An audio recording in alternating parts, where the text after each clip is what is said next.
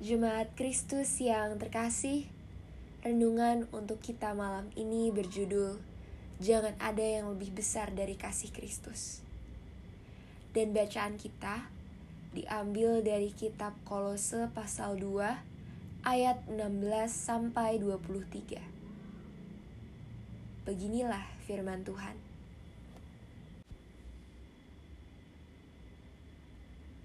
Karena itu, janganlah kamu biarkan orang menghukum kamu mengenai makanan dan minuman, atau mengenai hari raya, bulan baru, ataupun hari Sabat.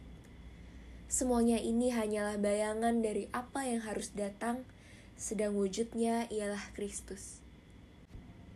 Janganlah kamu biarkan kemenanganmu digagalkan oleh orang yang pura-pura merendahkan diri dan beribadah kepada malaikat, serta berkanjang pada penglihatan-penglihatan dan tanpa alasan membesar-besarkan diri oleh pikirannya yang duniawi.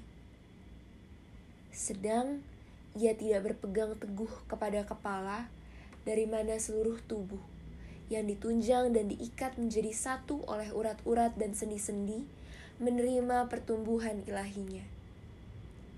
Apabila kamu telah mati bersama-sama dengan Kristus dan bebas dari roh-roh dunia, mengapakah kamu menaklukkan dirimu pada rupa-rupa peraturan seolah-olah kamu masih hidup di dunia? Jangan jamah ini, jangan kecap itu, jangan sentuh ini. Semuanya itu hanya mengenai barang yang binasa oleh pemakaian dan hanya menurut perintah-perintah dan ajaran-ajaran manusia.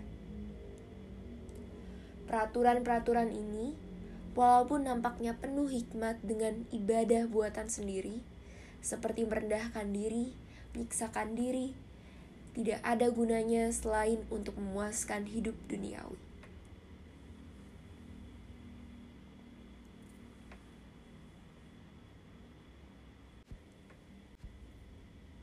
Kecenderungan manusia adalah melakukan segala sesuatu berdasarkan ketenangan dan kesukaan hatinya. Semakin tenang dan gembira hatinya, semakin serius dan fokus dalam melakukannya. Tapi, harus kita sadari, kadang hal tersebut dalam konteks yang salah.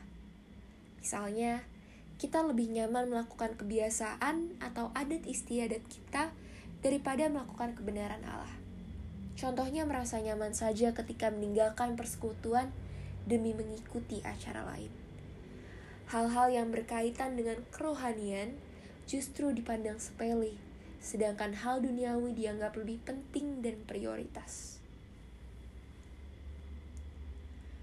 Paulus mengingatkan kepada jemaat Kolose tentang bagaimana seharusnya Kristus menjadi prioritas.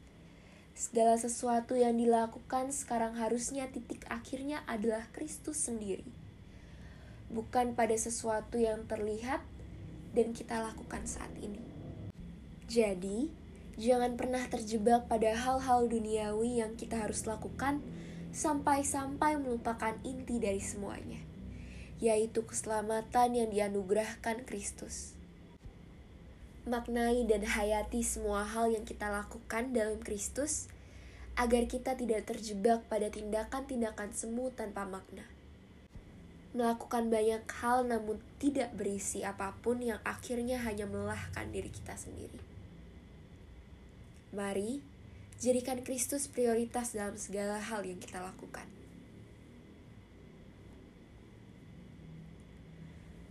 Demikianlah renungan malam ini. Semoga damai sejahtera dari Tuhan Yesus Kristus tetap memenuhi hati dan pikiran kita.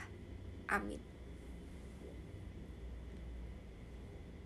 Jemaat yang terkasih, mari kita bersatu hati menaikkan pokok-pokok doa yang ada dalam gerakan doa 21 GKI Sarwa Indah. Mari berdoa.